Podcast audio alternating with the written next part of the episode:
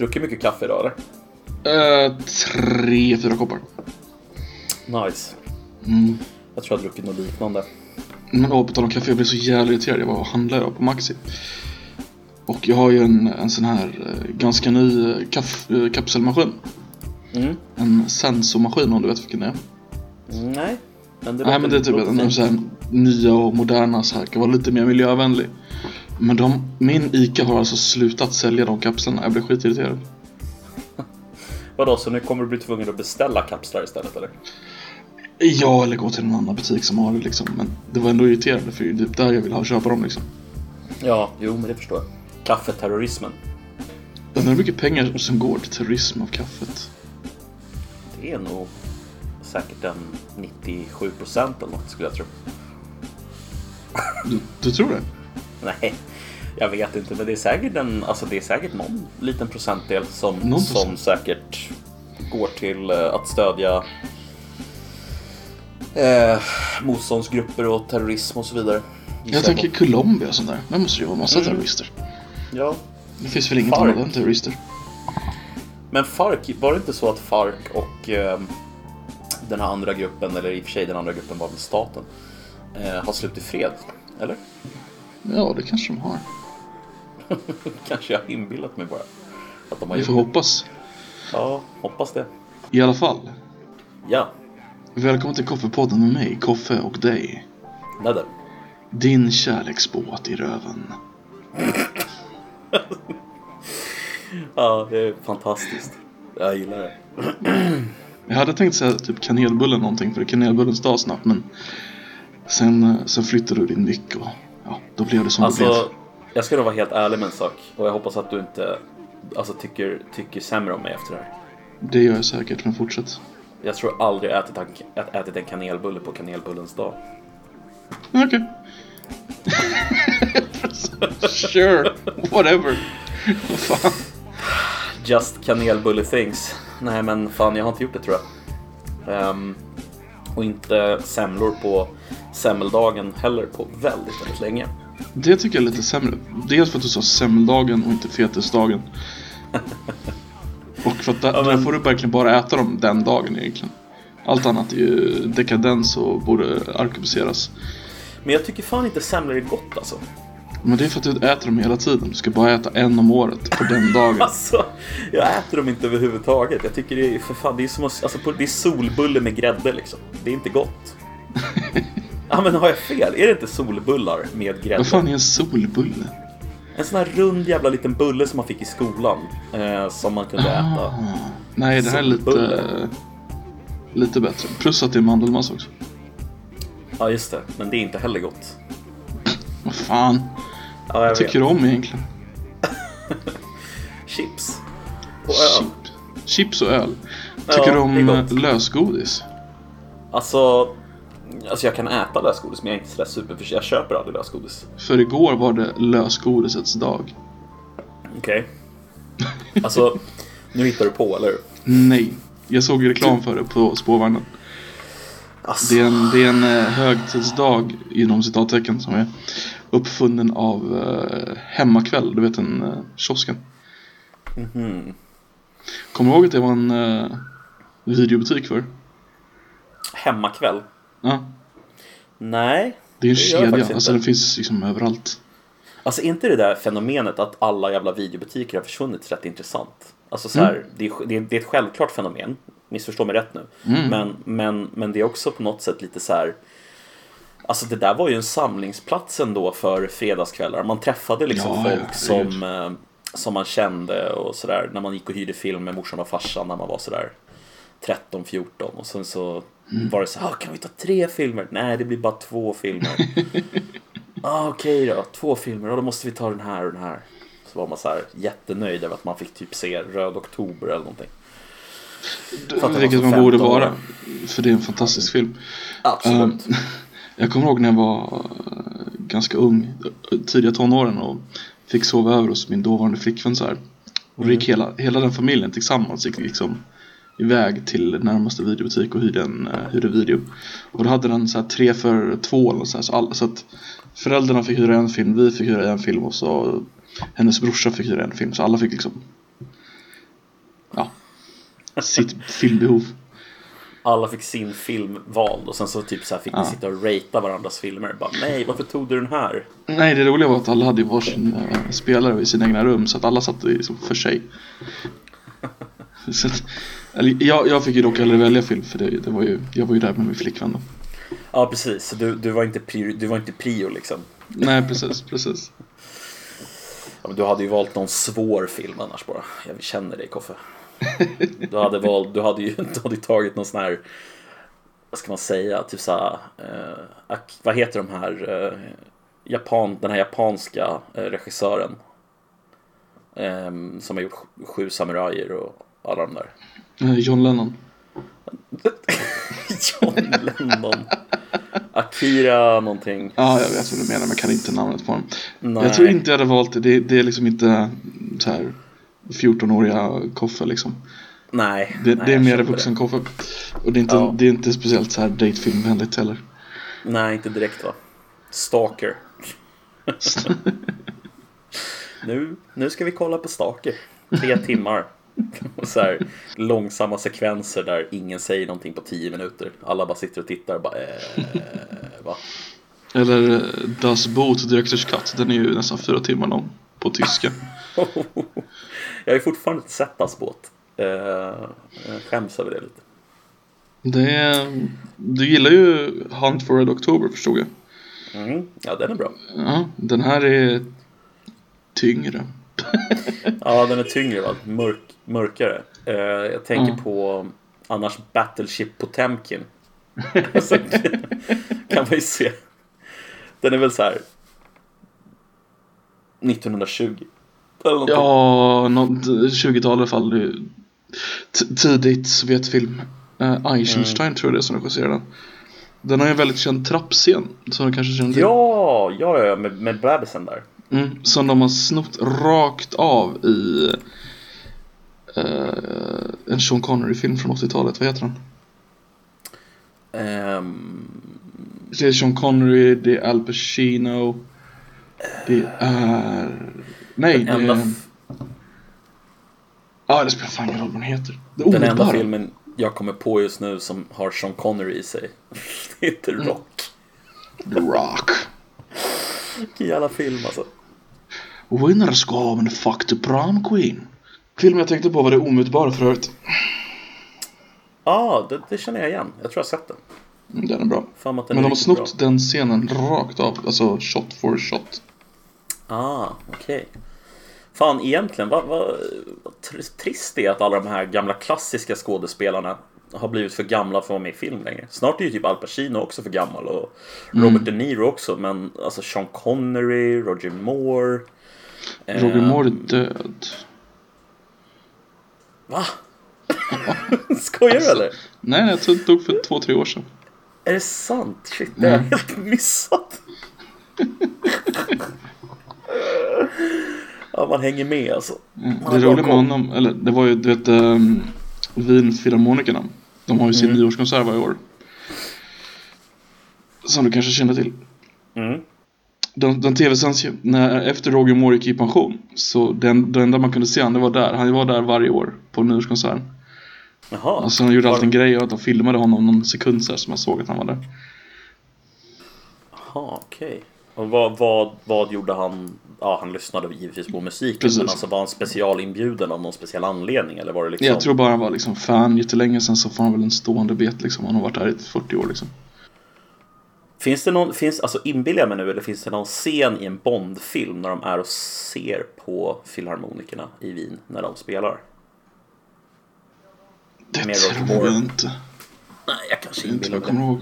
Roger Moore hade ju väldigt roliga Bondfilmer, typ Moonraker och sånt där. När Ja. gick i rymden. Med hajen. Precis. När han Det är att den han här, kallas eh, Hajen på svenska. Men Ja. egentligen heter han ju Jaws, alltså käken. Ja, det är lite skillnad faktiskt. Det är inte alls samma sak. Men den var väl, jag kan tänka mig att eh, den släpptes väl ungefär i samband med att eh, filmen, alltså skräckfilmen Hajen, Mm. var aktuell. Ja, på 70-talet där, ja det måste ju vara någon overlap där ja. Ja, och så tänkte de att ja, men då använder vi det som namn för att, ja. Ja, antagligen. Jag gissar på det i alla fall. Vad, vad, vad hade vi tänkt prata om idag då, Koffe? Uh, massa Bondfilmer tydligen. Um, Nej, vi, vi, skulle prata lite om skolans nya läroplan där de har droppat massa intressanta grejer för att ersätta det med massa ointressanta grejer. Om vi ska vara lite sån där. Uh, Brexit och tondebatten. Vi fortsätter Brexit och tondebatten med lite Marcus Allard, allas favorit. Och sen blir det ännu mer filmsnack. Jajamensan. Och kanske även en diskussion om eh, motsatsen till våra pet peeves. Saker som vi helt enkelt vet är jätteviktiga som vi inte bryr oss om. Nej men apropå skolans nya läroplan så, så mm. har jag en liten en grej jag vill ta upp där och det är att... Men skulle vi eh, kunna börja prata om vad är skolans nya läroplan? Nej men så här är det, i, i samband med att man eh, kom överens om det här 73 punktersprogrammet eh, Socialdemokraterna, Centerpartiet, Liberalerna och Miljöpartiet. Glömde jag någon? Nej. Eh, I samband med att man kom överens om det så hade man en, eh, en eh, skrivelse eller en, en, ett avsnitt i den som handlade om just eh, skolan.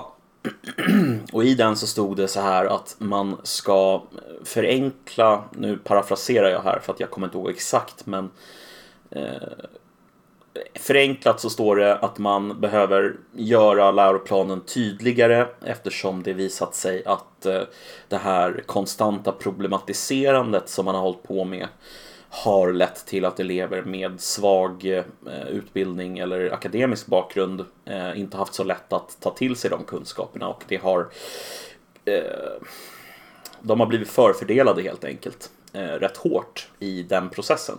Det finns ett väldigt bra P1-program om det som heter Skolan och kunskapskraven. Som man kan lyssna på om man vill veta mer. Och då är det som så att nu i höst så kommer den nya budgeten och den bygger den här nya budgeten på Eh, 73-punktsprogrammet och då har man även börjat prata om de här förändringarna som man vill göra.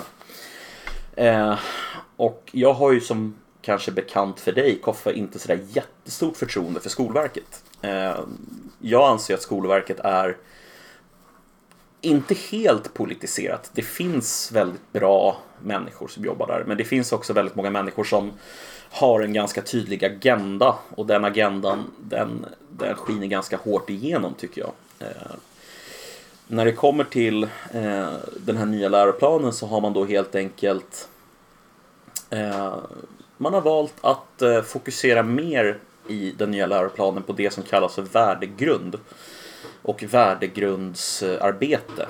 Så att eh, man, man lägger fokus på till exempel att skolan ska lära ut om eh, sexualitet och genus eller kön, eh, sexism, eh, homofobi, Eh, sådana här saker som står med i värdegrunden. Eh, så man ska liksom välja litteratur då som tar upp de här ämnena. Ehm, och i och med det så har man även då plockat bort antiken eh, som ett obligatoriskt inslag i läroplanen att man måste ta upp antiken för att liksom grunda eh, i någonting som är kanske eh, åtminstone någonting som jag skulle vilja påstå eh, har en påverkan på eh, våran värld än idag. Eh, vare sig vi vill eller inte. Eh, I den meningen att mycket av vårt samhälle, eh, vårt västerländska samhälle, har någon slags koppling till antiken. Eh, Ja, alltså den västerländska idé, idéhistorien grundar sig ju i antiken och framåt. Ja, absolut, den gör ju det. Eh, och det är svårt att komma ifrån. Alltså, du har antiken som i sin tur är konstituerande för eh, romarriket till stor del och romarriket och deras eh, idétradition eh, blev ju väldigt eh, konstituerande sen för det som hände senare under eh, medeltid och, ja, och så vidare. Jag är inte historiker som du vet. Vi skulle kunna plocka in Adler så får han redo att göra mer för det. Men jag, jag, kan tycka i alla fall att det är lite absurt att man väljer att plocka bort någonting som, alltså, så här. Eh, när det kommer till bildning så finns det nästan, bildning har nästan blivit lite, lite fult. Eh, och jag tycker väl att om, om man ska ge människor förutsättningarna när de går igenom skolan och sen slutar så, så handlar det om att kanske ge dem en grundläggande bildning i rätt självklara saker som antiken och liksom litteraturkanon och så vidare. Och sen kan man kritisera den. Men man kanske måste veta om den först. Alltså är du med? Du kan inte kritisera någonting och tycka att någonting är skit om du inte sen också vet vad det är för någonting du kritiserar. Så att... Eh, mm. Du måste veta vilken grund du står på helt enkelt. Annars vi, bygger vi inte vår kunskap från grunden så har vi bara ett korthus egentligen. Ett inverterat korthus som kan falla väldigt lätt. Ja, eh, jag, Men, jag tror ja. det. Vad är det de alltså har ersatt antiken med? Var det... Jag förstod inte riktigt det. Den har inte blivit ersatt med någonting utan alltså man, man väljer att helt enkelt eh, göra det mer upp till läraren vad läraren tar upp. Eh, alltså det blir alltså en mer eh, processen blir helt enkelt lärarens process eh, i mycket större grad än vad det är idag. Eh, där du idag har eh, styrdokument som säger det här, det här, det här bör tas upp under eh, historielektionerna. Och istället så blir det liksom en process där okej, okay, du får välja själv eh, men det ska liksom spegla eh, värdegrunden. Så eh, genus eh, och så vidare.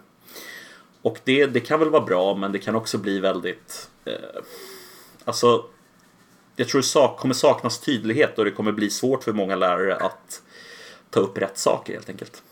Det är mer upp till den individuella läraren vilka, vilka tendenser i historien vi fokuserar på om jag förstår rätt.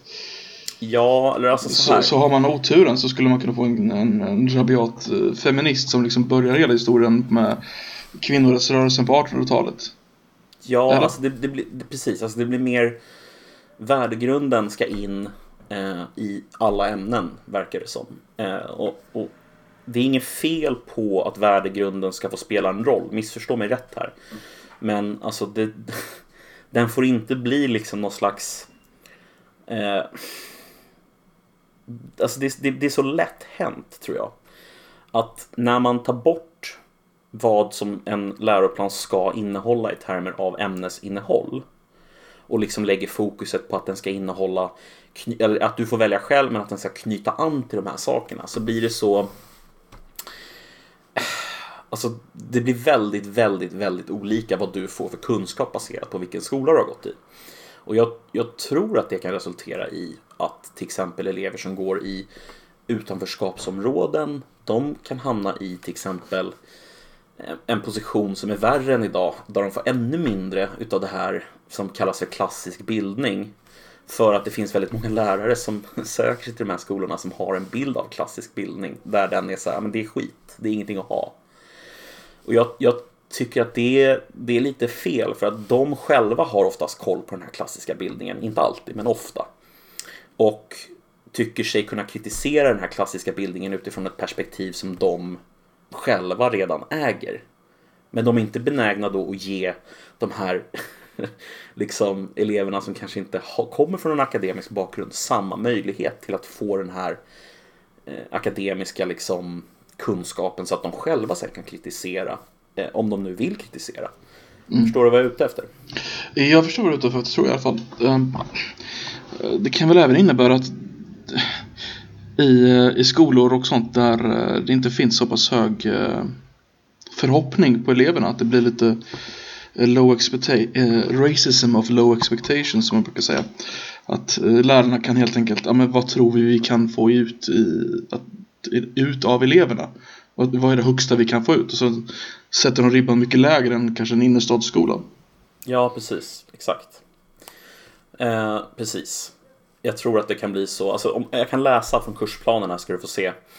Det står så här, skönlitteratur, nu pratar jag om svenska ämnet då, Eh, eller svenska ämnet. Skönlitteratur för ungdomar och vuxna från olika tider, från Sverige, Norden och övriga världen. Skönlitteratur som belyser människors villkor och identitets och livsfrågor. Till exempel utanförskap, jämlikhet, sexualitet och relationer. Och då har man alltså tagit bort det som stod innan och det var lyrik, dramatik, sagor och myter. Så att till förmån för utanförskap, jämlikhet, sexualitet och relationer så har man tagit bort lyrik, dramatik, sagor och myter. Alltså missförstå mig rätt här. Jag säger inte att vi inte ska lära ut om utanförskap, jämlikhet, sexualitet och relationer. Men jag skulle vända på det. Vi kan lära ut de sakerna genom lyrik, dramatik, sagor och myter. Varför ska vi lära ut om sexualitet på svenska undervisningen? Alltså, därför att det kan vara ett perspektiv som är värt att ta upp i relation till exempel till, säg, Odysseus. Eller eh, annan litteratur som handlar om liksom eh, allmänmänskliga eh, skeenden. Men, men, men samtidigt ser den här liksom det är så lätt för folk att säga så ja men vadå? Det står ju bara att de ska ta upp det. Du får ju välja själv vad du ska ta upp för typ av skönlitteratur. Ja, men i praktiken så blir det ju inte riktigt så. För att de här dokumenten läses inte likadant av alla. Utan de läses väldigt olika beroende på vem du är som lärare. Så att det blir i praktiken så att undervisningen kommer se ännu mer olika ut, tror jag. När det kommer till vissa saker eh, i den här nya läroplanen som man plockar fram, eller förändrar. Så jag är väl inte sådär supernöjd med det.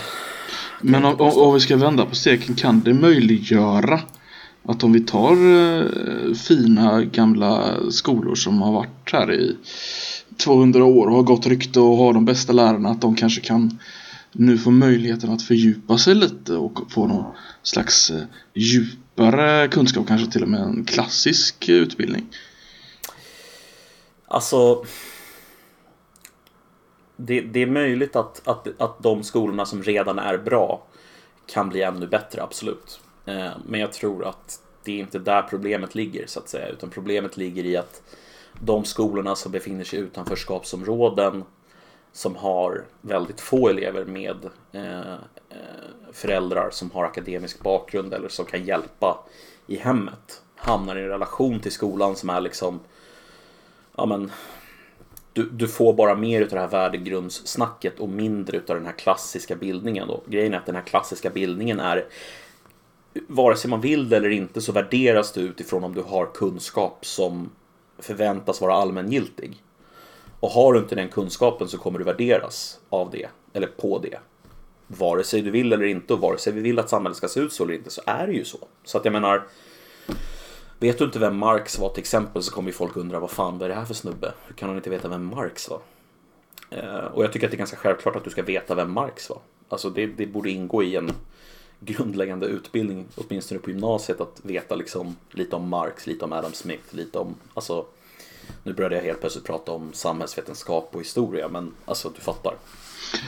Jo, men i en bra skola så går ju ämnena lite ihop ändå. Alltså det, allting kan ju relateras till varandra. Ja, så är det ju. Mm, jo, men det är väl klart att ju bättre allmänbildad du är ju, ju mer seriöst blir du tagen.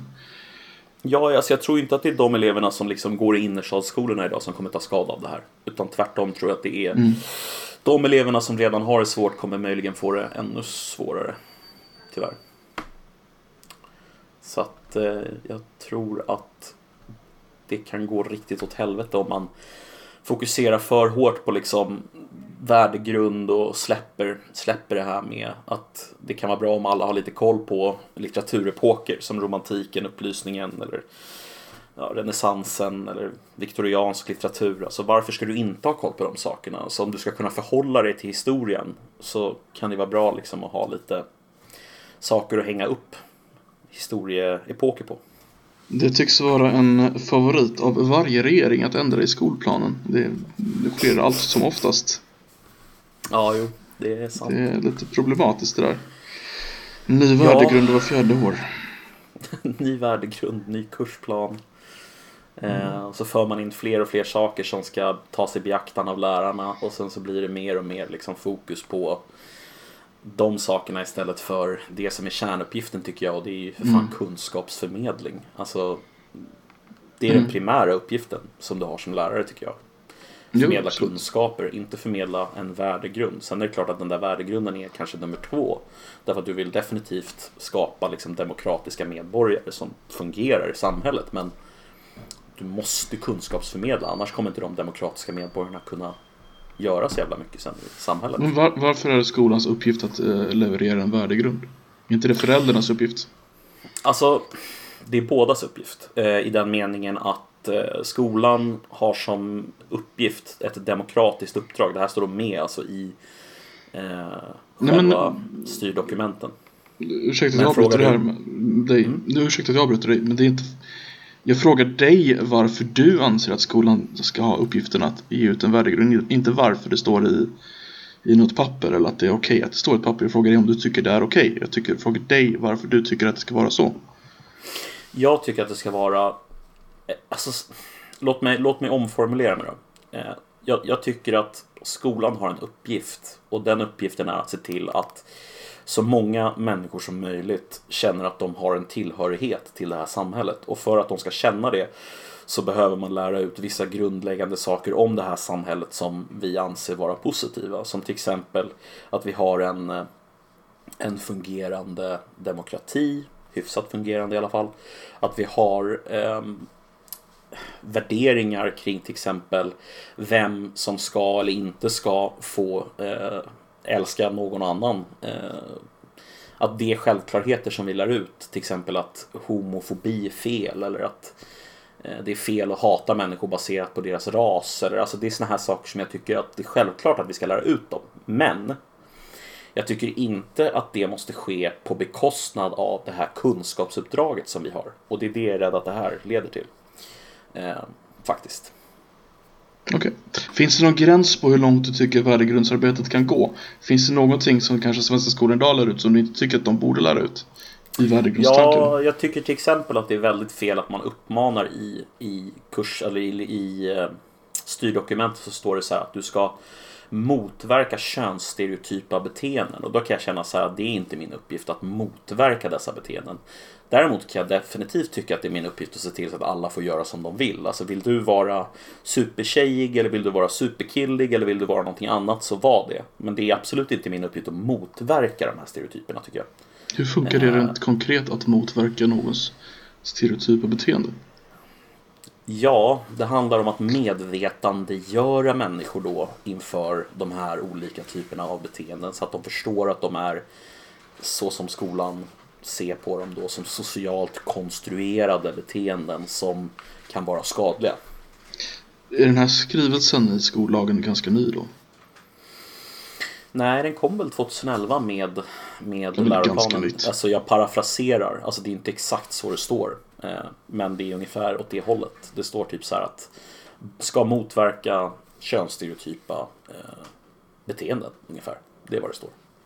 Då måste jag gå ut på en liten, eh, ett sidospår här och fråga dig. Min gympalärare i högstadiet, det här är alltså massa år sedan. Han hade alltid två måttstockar.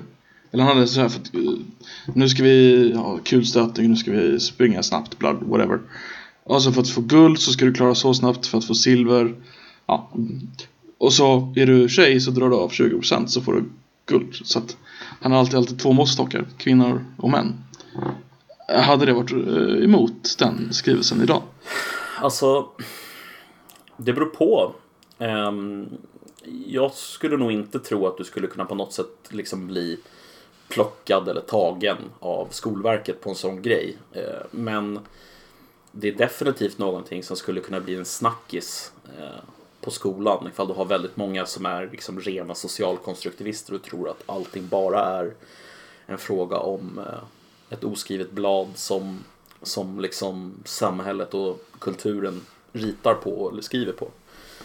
Så, så, så kan det definitivt bli en snackis att liksom, varför behandlar han kvinnor och män olika? Eh, eh, så att ja, det är inte helt svart eller vitt men, men det finns många gråzoner däremellan. På tal om uh, uh, metrosexuella missfoster så skulle vi ge en shoutout till Captain Friendzone. shoutout till Captain Friendzone.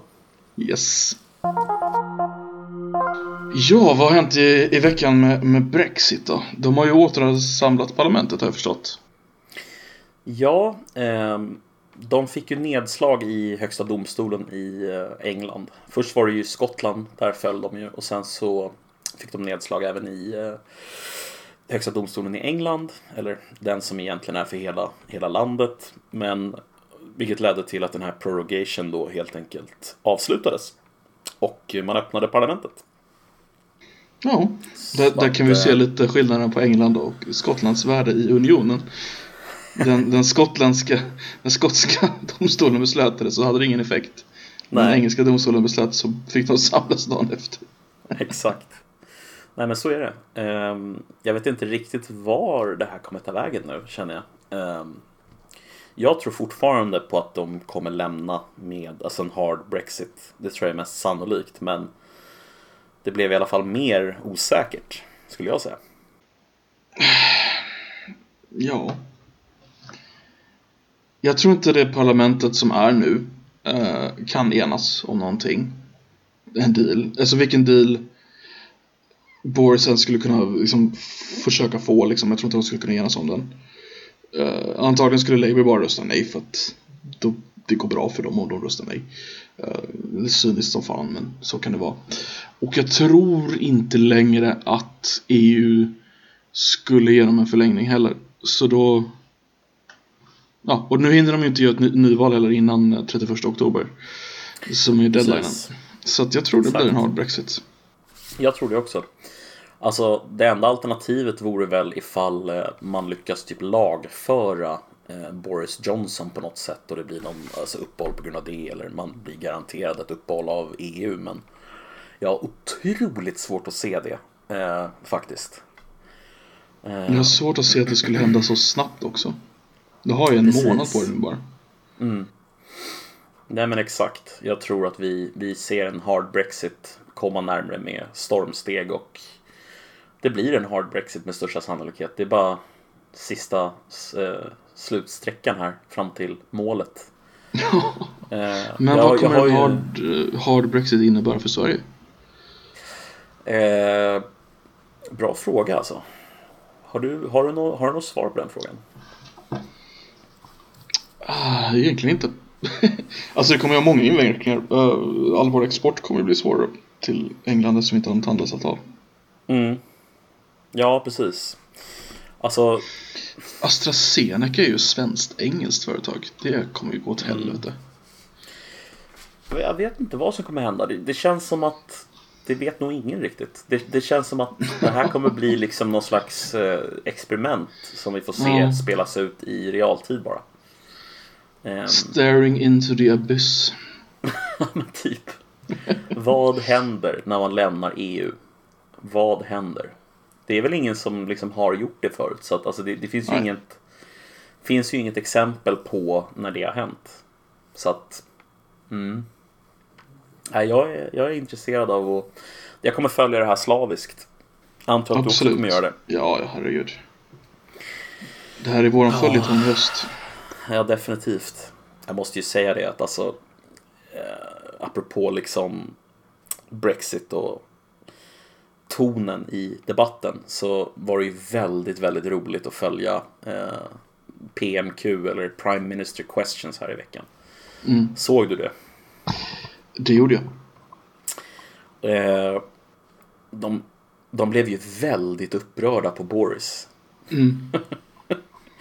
För att han kallade deras invändningar, eh, primärt då deras invändningar om att de blir hotade och hatade för humbug. Jag vill minnas att det börjar med att han kallar den här äh, lagen som äh, oppositionen kom fram till då när han tvingar honom att söka en förlängning. Mm. Han kallar den The Surrender Bill. Ja just det, så var det mm. Exakt. Och det tyckte de, då eh, skulle kunna leda till att folk, eller att det leder till att folk blir ännu mer upprörda och att det blir ett ännu mer polariserat debattklimat. Vilket säkert stämmer i den meningen att det blir ett mer polariserat debattklimat. Men de kan ju inte kräva av honom att han inte ska, att han inte ska vara politisk. Det är ju helt sjukt. Det är ju för fan politik. Jag tyckte det var lite osmakligt. Det var någon av de uh, Labour-parlamentarikerna som tog upp Joe Cox, om du minns henne? Ja, jag såg det. Ja, det var ju hon som blev skjuten då i uh, kampanjen 2015 tror jag det var. Mm. Ja. Hur hedrar hans... du...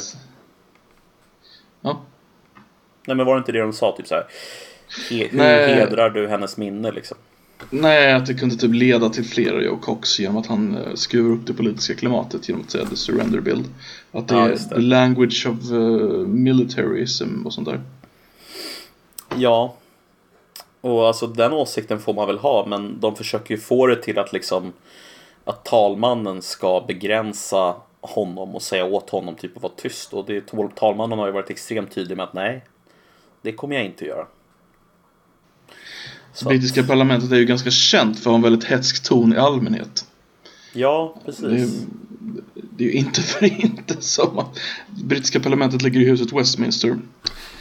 Och, och Westminster har ju fyra barer som är öppna under sessionerna. Som är gratis för parlamentsledamöter. Ja, alltså det, det är alltså... Ja, jag vet inte. Det, det är fascinerande. Alltså, det, det känns som en, som sagt, som en jävla krock i ultrarapid. Eh, där man får se allas ansiktsuttryck samtidigt som de liksom håller på och smäller in i väggen. Eh, det, ingen verkar dra i bromsen. det finns ingen broms där borta. Det är ingen som har någon ratt heller. Det är bara, det är bara skenar. Men, men med det sagt så, så var det ju väldigt, väldigt hätsk, hätsk ton när, nu när, hätsk, hätsk. Vad fan Ja, hä- dig? Du kan inte säga det bara. Ja, men jag En brysk ton. En brysk ton. När de kom Nej, tillbaka. verkligen. De var ju väldigt Verkligen. irriterade. All, alla var irriterade på varandra. För ingen ville ju ha det som det var. Så då blev det ju väldigt uppspelat. Ja, det var, det, var, det var ju väldigt, väldigt bra TV i alla fall. Det kan vi vara Det var det. Alltså det är väldigt svårt att sluta titta. Eh, Ja. För att det var så otroligt högt i tak för vad man fick och inte fick säga där. Det var verkligen så här. You are one of the worst persons to ever become prime minister. Och han bara humbug, surrender bill. Har du kollat på Örebros eh, kommunfullmäktiges tv-sändning i veckan? Ja, jag, jag har kanske gjort det, men kan inte du berätta lite ändå? Är ju så att allas eh, vår favoritkommunist eh, Marcus Allard har ju kommit in i Örebros kommunfullmäktige med sitt eh, antikorruptions, antislöseriparti Örebropartiet. Just det. Och nu, nu är det någon, någon, eh, de har en plan på någon eh, gigantisk expansion av staden för 150 miljoner för mig. Mm. Vilket är ganska onödigt då, tycker Marcus Allard. Oväntat. Ja men precis. Um, ja, musikstad eller sån här, det ska vara fokuserat på musik och ja, det var jättekonstigt flummigt. Kulturstaden tror jag till och med heter. Han ska bygga arenor och skit. Så han har lagt in en motion för ett halvår sedan för att stoppa den. Mm. Och en motion i ett kommunfullmäktige går ganska snabbt att komma till eh, debatt. Då var det så att oppositionen, det vill säga alla partier, S, M och whatever, alltså båda, hade lagt den på praktikants bord. Mm. Så hade det tagit ett halvår för den att komma in i, in i debatten. Fan. Vilket då gjorde att det var för sent att stoppa det. Mm. Så han blev helt enkelt förbannad. Eh, ja, vi kan väl lyssna på det. Jag sitter inte i den här församlingen för att bli era kompisar. Jag har valts hit för att ni har misskött Örebro kommuns ekonomi. Ni har skuldsatt oss upp över öronen. Och nu står ni och försvarar att ni har saboterat den demokratiska processen. Och ni står och pratar om god ton. Åt helvete med er jävla ton. Ni har saboterat vår ekonomi. Och inte bara det, ni har låtit den här motionen samla damm på en praktikants skrivbord. Vi la den här motionen i januari. Den borde behandlas skyndsamt. Det tog ett dygn för Mats, när han fick den, att skriva ett motionssvar. Andra juli fick han den, tredje juli är det klart. Kom inte och försök vifta bort det här. Kom inte och försök vända det här till mig. Alltså hela din argumentation bygger på det faktum att ni har saboterat det här. Hela argumentationen bygger på det faktum att ni har saboterat motionen. Är det så här ni kommer fortsätta? Som ni hörde så var han inte direkt glad och han skrek... Han är eh, Ja, Han är inte helt nöjd. inte helt nöjd är en liten underdrift, eh, men det kan man säga. Och eh, dagen efter då så då tog ju lokalnyheterna upp det här. Fast med fokus på hans goda ton. Jajamensan. Och inte alla miljoner som spenderades. Nej, precis. Det var, fokus var verkligen på är Allard eh, kontraproduktiv mot sina egna syften genom att han är så eh, otrevlig eller att han, att han använder en så tråkig ton.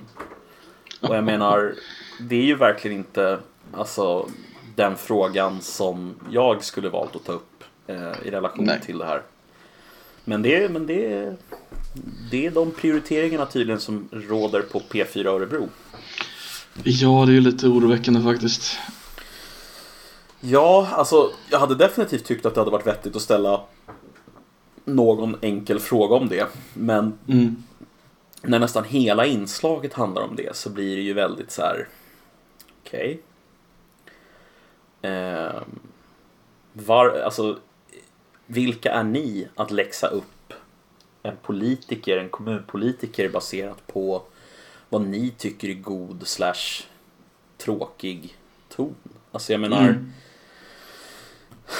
De, alltså, de får ju göra den bedömningen självklart om de vill. Men alltså jag kommer ju tycka att det är idiotiskt. Alltså, Mm. det är ju min, det är min take på det bara. Så här, vad fan Mm. håller ni på med? Alltså... Ja.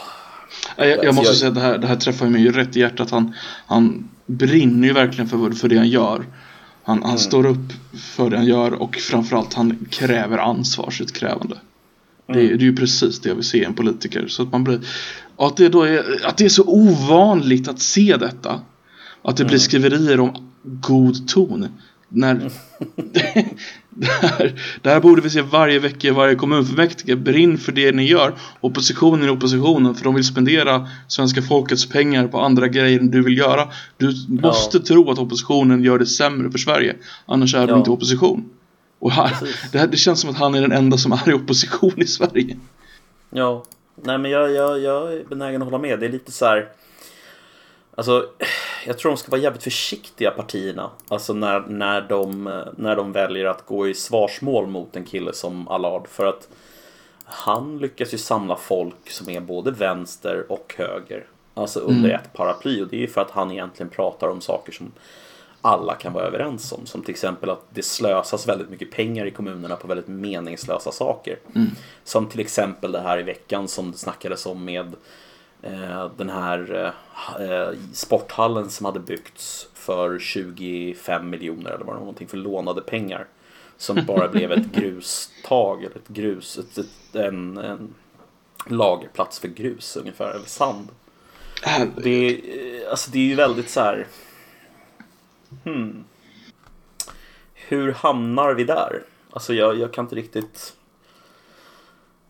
Jag har svårt att se liksom vad är det för människor som sitter och sitter och tar de här besluten.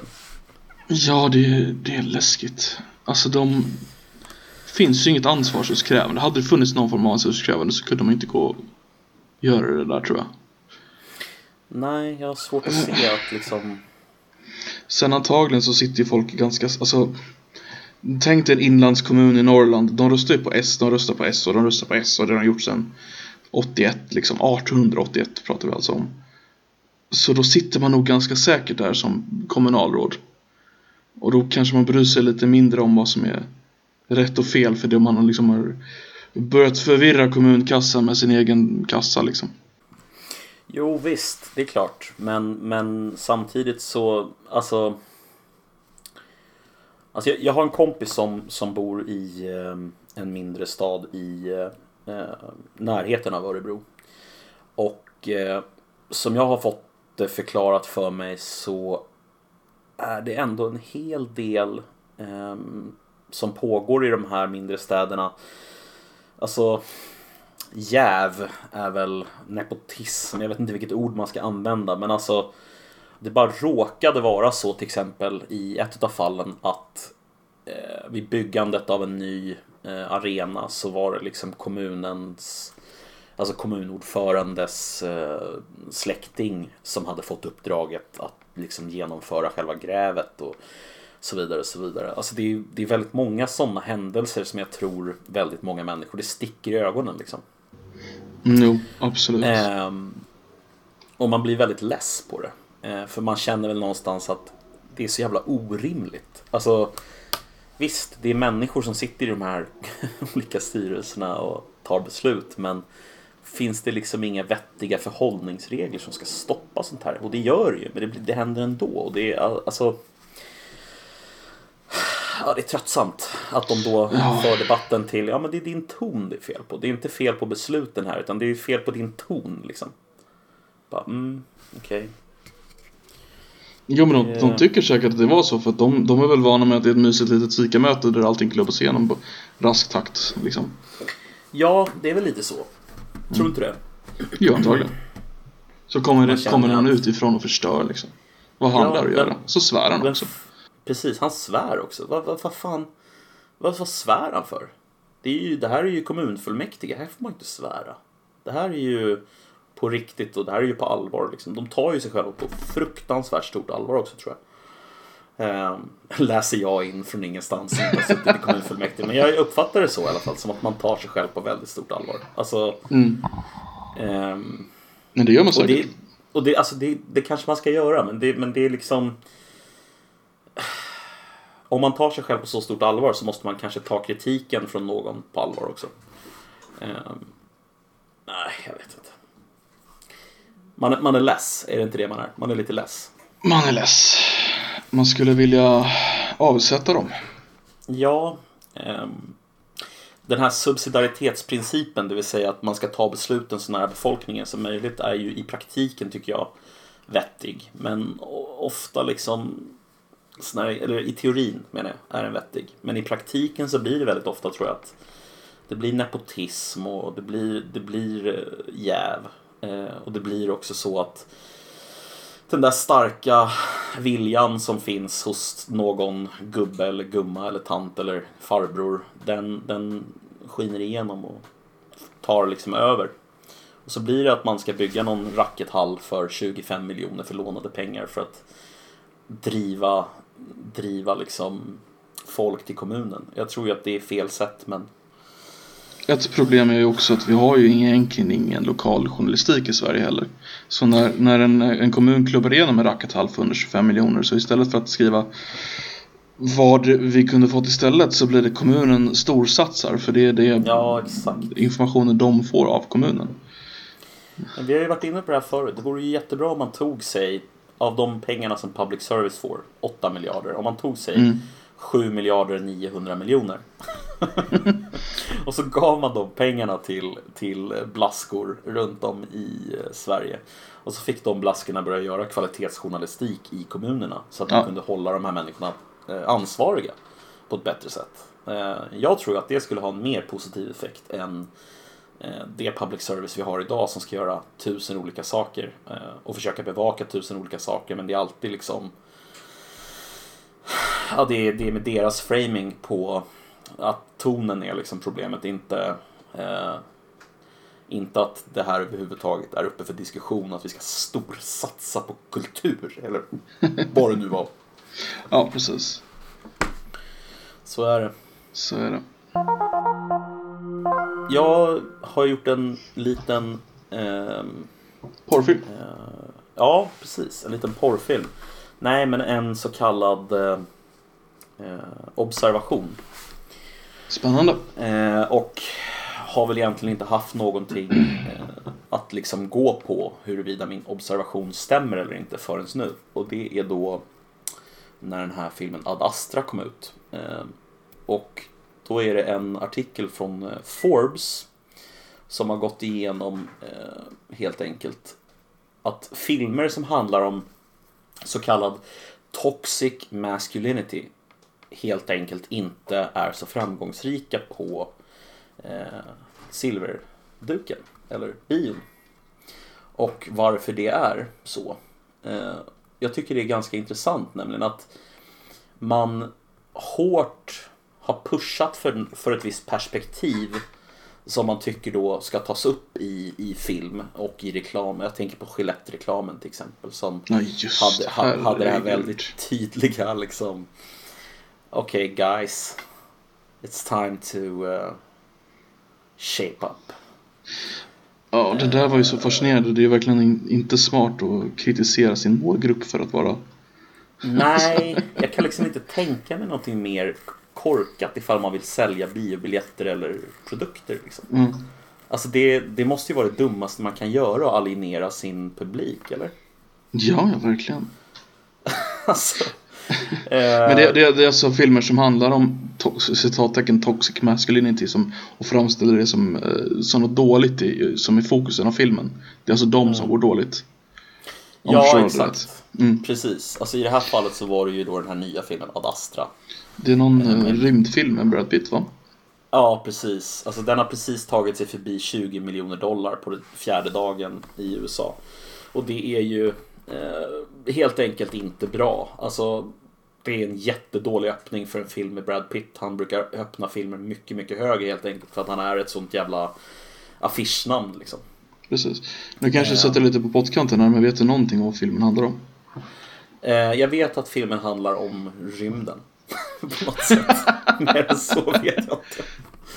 Eh, men alltså den handlar ju lite om så här. Eh, alltså som jag har förstått beskrivningen av filmen och varför, varför den har ett perspektiv som skulle kunna anses vara liksom ett social justice eller ett, eh, ett toxic masculinity perspektiv är för att den handlar om typ eh, hur män beter sig dåligt mot kvinnor på arbetsplatser ungefär. Eh, och det, det, alltså missförstå mig rätt, alltså det är klart att det är ett problem och det är klart att det är liksom en, eh, ett, ett problem som är värt att liksom ta på allvar. Men är verkligen rätt väg framåt då att ta upp det i filmer som riktar sig till en eh, till hälften åtminstone manlig publik. Alltså jag tror ju inte det.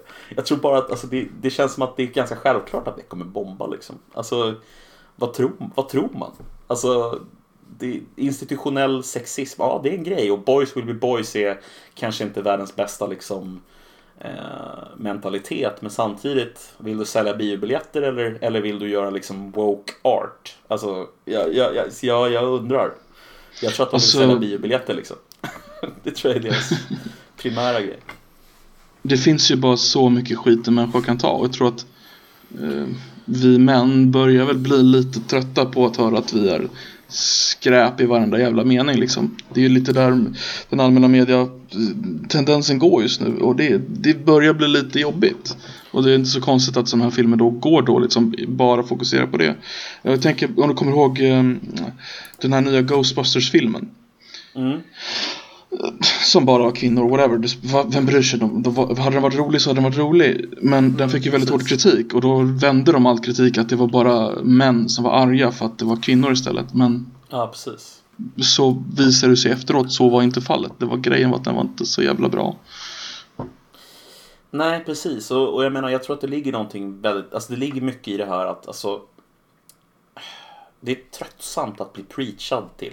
Alltså, vi pratade ju om det i samband med eh, Max och deras liksom eh, måltider där de har så här, ja men ta det vegetariska alternativet eller du, vi klimatkompenserar så här mycket eller alltså det, det är massa sådana där saker.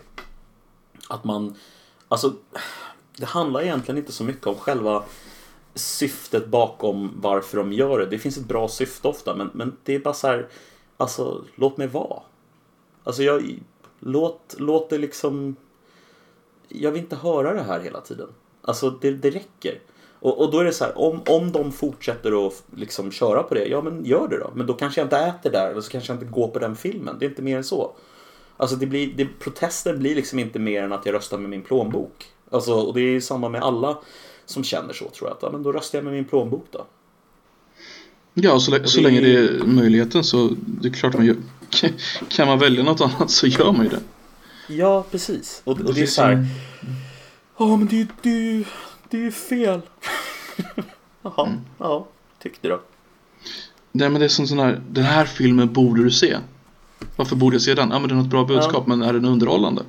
jag Ja, går är inte det på bio för budskapet. Jag vill se något kul. Exakt. Mm. Nej men precis, alltså det, det, det är den här liksom att alla, alla måste delta i den här liksom woke-ideologin där alla Mm. ska tycka likadant och alla ska liksom bidra till att vi får ett bättre samhälle. Alltså, jag är ledsen men alltså du, du bestämmer faktiskt inte över mig. Liksom. Jag, jag, jag deltar i det jag vill delta i. Eh, Mm. Och sen får du tycka vad fan du vill om det.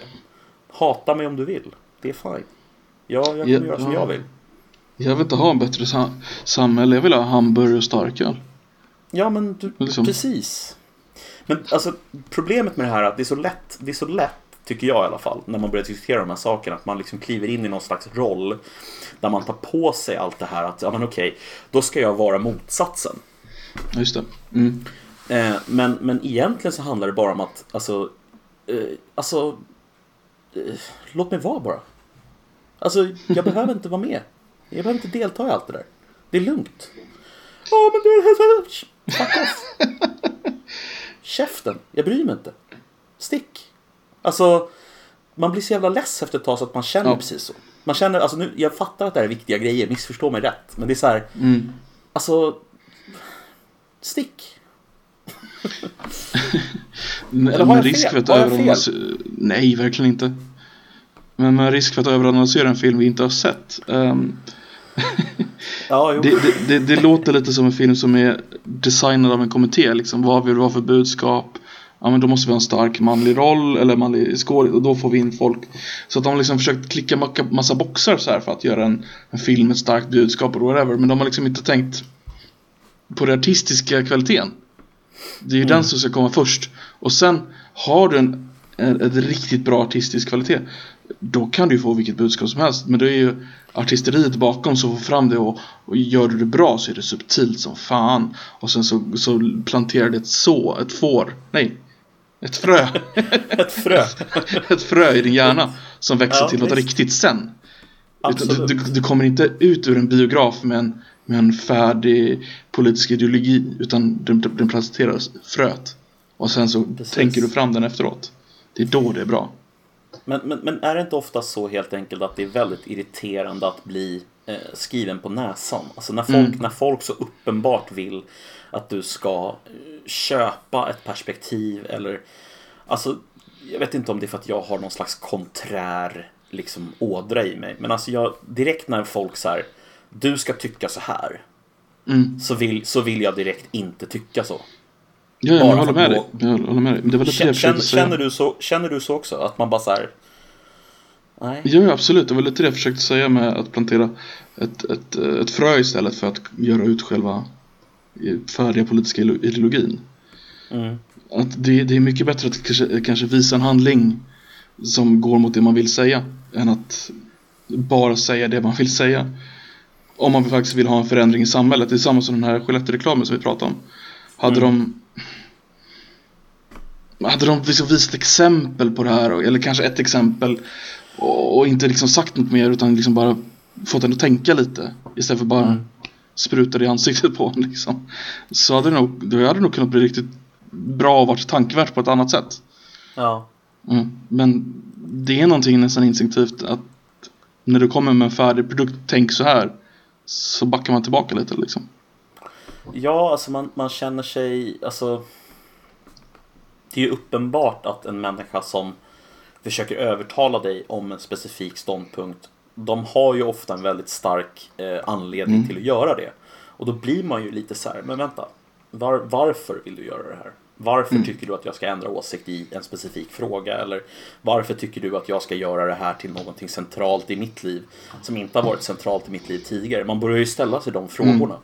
Och, och det, är väl inget, det är väl inget konstigt att ställa sig de frågorna egentligen? Eller? Nej, egentligen inte. Alltså, det är Ganska ju rimligt, fullt liksom. naturligt. Men problemet i sådana här situationer är att man kan då, när man ställer den här väldigt rimliga frågan, så får man istället för svaret Varför är du emot mig? Varför är du emot det här? När man egentligen Mm, bara vill ha mer precis. information. Precis, alltså det blir, det blir liksom Det blir polemiskt på en gång. Mm. Det blir liksom Om du inte, ja men det är lite så här If you're not with us, you're against us. Alltså samma typ Precis. av retorik som USA körde med eh, efter, efter terrordåden i 9-11 där. Så körde de på Mm. You're either with us or you're against us. Och det är liksom samma retorik som körs kring de här frågorna. Och jag tror faktiskt inte att det är det bästa sättet att få med sig folk. Jag tror inte det. Nej. Jag tror att det Men det, tvärtom är ganska det, det märker vi ju bland eh, yngre åldrar. Ja, ja, där, där, där går ju konservatismen på framfart som en slags motreaktion mot det här. Ja, det är ganska alltså, intressant. Ja, jag har märkt att det finns väldigt många yngre som, som verkar väldigt så här, eh, trötta på hela den här diskussionen. Alltså kring wokeness och Mm. tycka rätt och tycka fel och så vidare. Ehm, det är väl kanske våran generation, där millennials, som, som har varit mest woke kanske. Och motreaktionen kommer alltid från generationen efter. Så de bara, nej, ni kan ju dra åt helvete. Pendeln svänger fram och tillbaka men allt kraftigare. Ja, precis. Tills den slår om helt. Det blir 360 En revolution. grader. Revolution. Men Adler sa så här, vad är den viktigaste saken? Och det är kanske lite det vi varit inne på här. Eh, vad är den viktigaste saken som du helt enkelt inte bryr dig om? Vilket är lite diametralt motsatt till frågan han hade förra veckan. Mm. Eh, vad är den viktigaste saken du inte bryr dig om? Eh, det beror väl, alltså egentligen borde jag bry mig om miljöförstörelsen mycket mer än jag gör. Mm. Det är ju någon slags apokalypsvarning på det där egentligen men det är ju inte någonting jag tänker på i dagligdags tyvärr kanske. Nej, inte jag heller. Eh, Jag har nog samma, samma take på det där att Alltså det är så lätt att bli uppgiven inför hela liksom, situationen. Mm. Och sen har jag ju väldigt svårt för de som tror att det handlar om att man ska ta någon slags individuellt ansvar och det ska lösa problemet. Liksom. Jag tror inte det löser problemet. Jag tror att ska man lösa det här problemet så handlar det om liksom, systematiska eh, globala liksom, överenskommelser om hur vi ska, ja men typ så här klimatskatt eller alltså koldioxidskatt Mm. menar jag. Alltså den typen av förändringar som behövs. Inte Ja men det väl, vore väl vettigt om du kanske inte kö- käkade kött när du ville det. Man bara Nej, jag käkar nog precis det jag vill och så kan du dra åt helvete med den jävla taken. Jag tror att jag helt enkelt käkar vad jag vill bara. Och sen kan du bara tycka illa om det om du vill. Alltså att det finns något omoraliskt i att göra ett globalt problem till ett individproblem. Jag har väldigt svårt för det. Ja, jag har också svårt Det för är, det. det, det är alla tillsammans i hela världen som måste lösa det. Min hamburgare jämfört med Kinas utsläpp. Det är liksom inte i proportion. Nej, det är ju inte Vi pratar jag tror bokstavligen pratar om miljoner i gångers skillnad liksom. Men det är Om så ofta mer. som svaret på det blir ofta då så här. Ja, men det är väl bra om alla gör det de kan. Eh, och alltså om inte alla gör det de kan så kommer det aldrig bli någon förändring och sådär. Men grejen är den att jag köper inte det argumentet. Alltså jag köper verkligen inte det. Alltså jag kommer inte, eller du kommer inte. Eh, alltså om alla slutade flyga imorgon så skulle inte det lösa problemet. Om alla slutade käka kött imorgon så skulle inte det lösa problemet heller. Alltså själva liksom koldioxiden är redan ute i atmosfären. Alltså den kommer vara ute i atmosfären vare sig du slutar äta kött imorgon eller om du fortsätter äta kött. Alltså, Alltså jag tror i och för sig att nyproduktionen av koldioxid, om alla slutar käka kött imorgon så skulle väl ha en dubbelsiffrig procent på nyutsläppen i alla fall, påverkan. på, på nyutsläppen absolut. Men alltså. Mm. Om vi verkligen alla släppt- käka kött. Ja, ja visst. Och det, men det är ju, för för det första så är det helt Ja, det är helt helt rimligt. absurd. Det skulle aldrig kunna hända, men till och med om det skulle hända så är det ju redan så att den koldioxid som har släppts ut kommer skapa en klimatförändring oavsett. Alltså, Mm. det, det, det är liksom redan satt i rullning. Så det är så här, Men vi måste ju ändå Alltså- försöka stoppa nyproduktionen. absolut, självklart. Men jag tror att det handlar som sagt om att ha överenskommelser på mer liksom global nivå. Eller snarare handlar det väl kanske om, kanske om energiproduktionen och hur den ska se ut i framtiden. Typ renewables plus kärnkraft verkar vara någon slags konsensus som växer fram. Förutom i Tyskland där de stängde ner alla kärnkraftverk. Ja, fy fan alltså det var så dumt. Ja, Det men- är demokratin i ett nötskal. ja, Finns det något kanske mer är. eh, som är jätteviktigt som du inte bryr dig om? Förutom hela jävla Afrika. Alltså det låter jätteabsurt men liksom Det är ju krig Ja, men det och ju elände. svält och allt skit där nere men vi, det är ju inget som bryr sig om Afrika längre. Nej, Alltså- alltså... We are the nej, world var ju på 80-talet liksom. Det har ja, inte hänt så mycket sedan dess. nej, det har varit ganska tyst om det där de senaste åren. Jag tror att de flesta människor har väl typ kanske slutat lägga all sin energi där. Eller det var väl kanske aldrig någon som läggde all, la all sin energi där. Men det var ändå det var på agendan under en ganska lång period och det verkar inte vara på agendan alls de senaste kanske 10 eller ja 5-10 åren kanske. Det var väl en period där på 90-talet som det var väldigt 80-talet, väldigt i ropet. Men eh, nej, jag vet inte. Har jag någon sån? Hmm, som är viktigt? Alltså man har ju jättemånga egentligen. Ja. Det går ju inte att tänka på det. Nej men det är alltså så här. Det är lite som det vi var inne på innan. Alltså saker som folk, och då menar jag så här. Som en stor grupp människor i samhället vill lyfta upp som de viktigaste frågorna på agendan. Alltså det finns någonting i mig och det verkar som i dig också som gör att man blir så här, nej men jag orkar bara inte, låt mig vara bara. Och en svag känsla bara, men fuck off, jag orkar inte. Låt mig vara.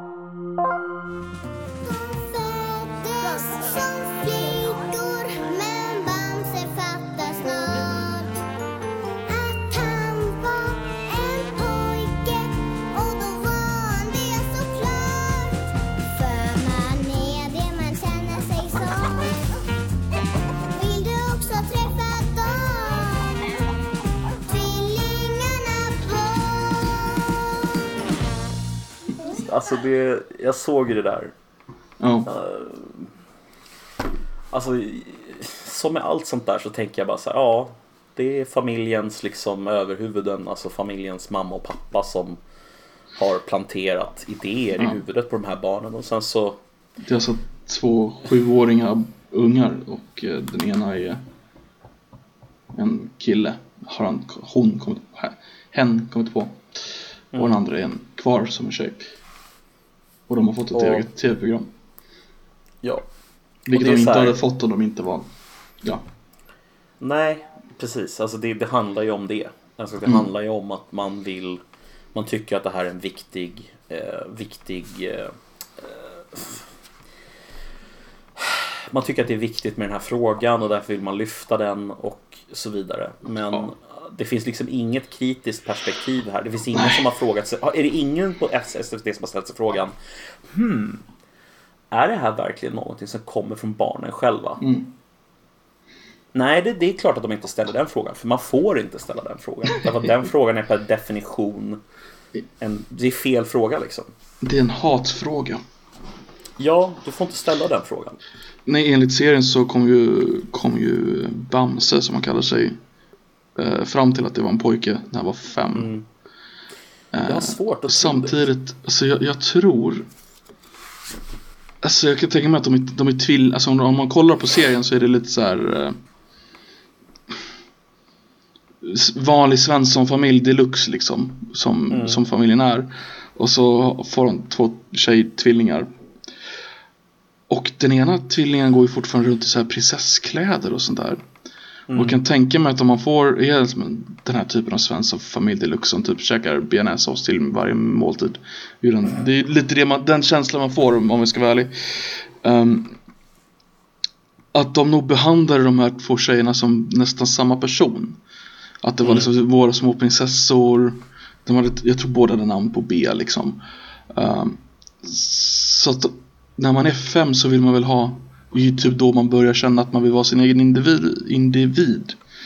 Mm. Så jag kan tänka mig att det var nästan kan ha varit ett försök att bli en person snarare än att fel kön. Alltså det, vad är det unikt med mig? Ja men jag gillar fotboll och killar spelar fotboll.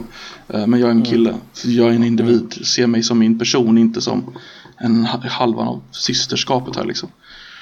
Ja, det är väl en teori lika god som någon. Alltså jag, jag, vet, jag har ingen aning. Jag kan bara säga att jag, jag, jag känner någon slags instinktiv så här.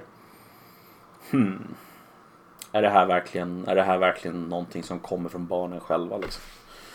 Och det, det är ju per definition också en fråga som man då inte ska ställa. För att då, då liksom eh, då misstänkliggör man eh, hela den här könsidentiteten och det är ju då Mm. dåligt och sådär. Men Alltså, Säg att det är så då. Att de Ja. faktiskt har blivit påverkade av sina föräldrar. Alltså även om föräldrarna inte vill dem någonting illa liksom. Det bara är så att de har köpt föräldrarnas världsbild och inkorporerat den i sin egen världsbild såklart.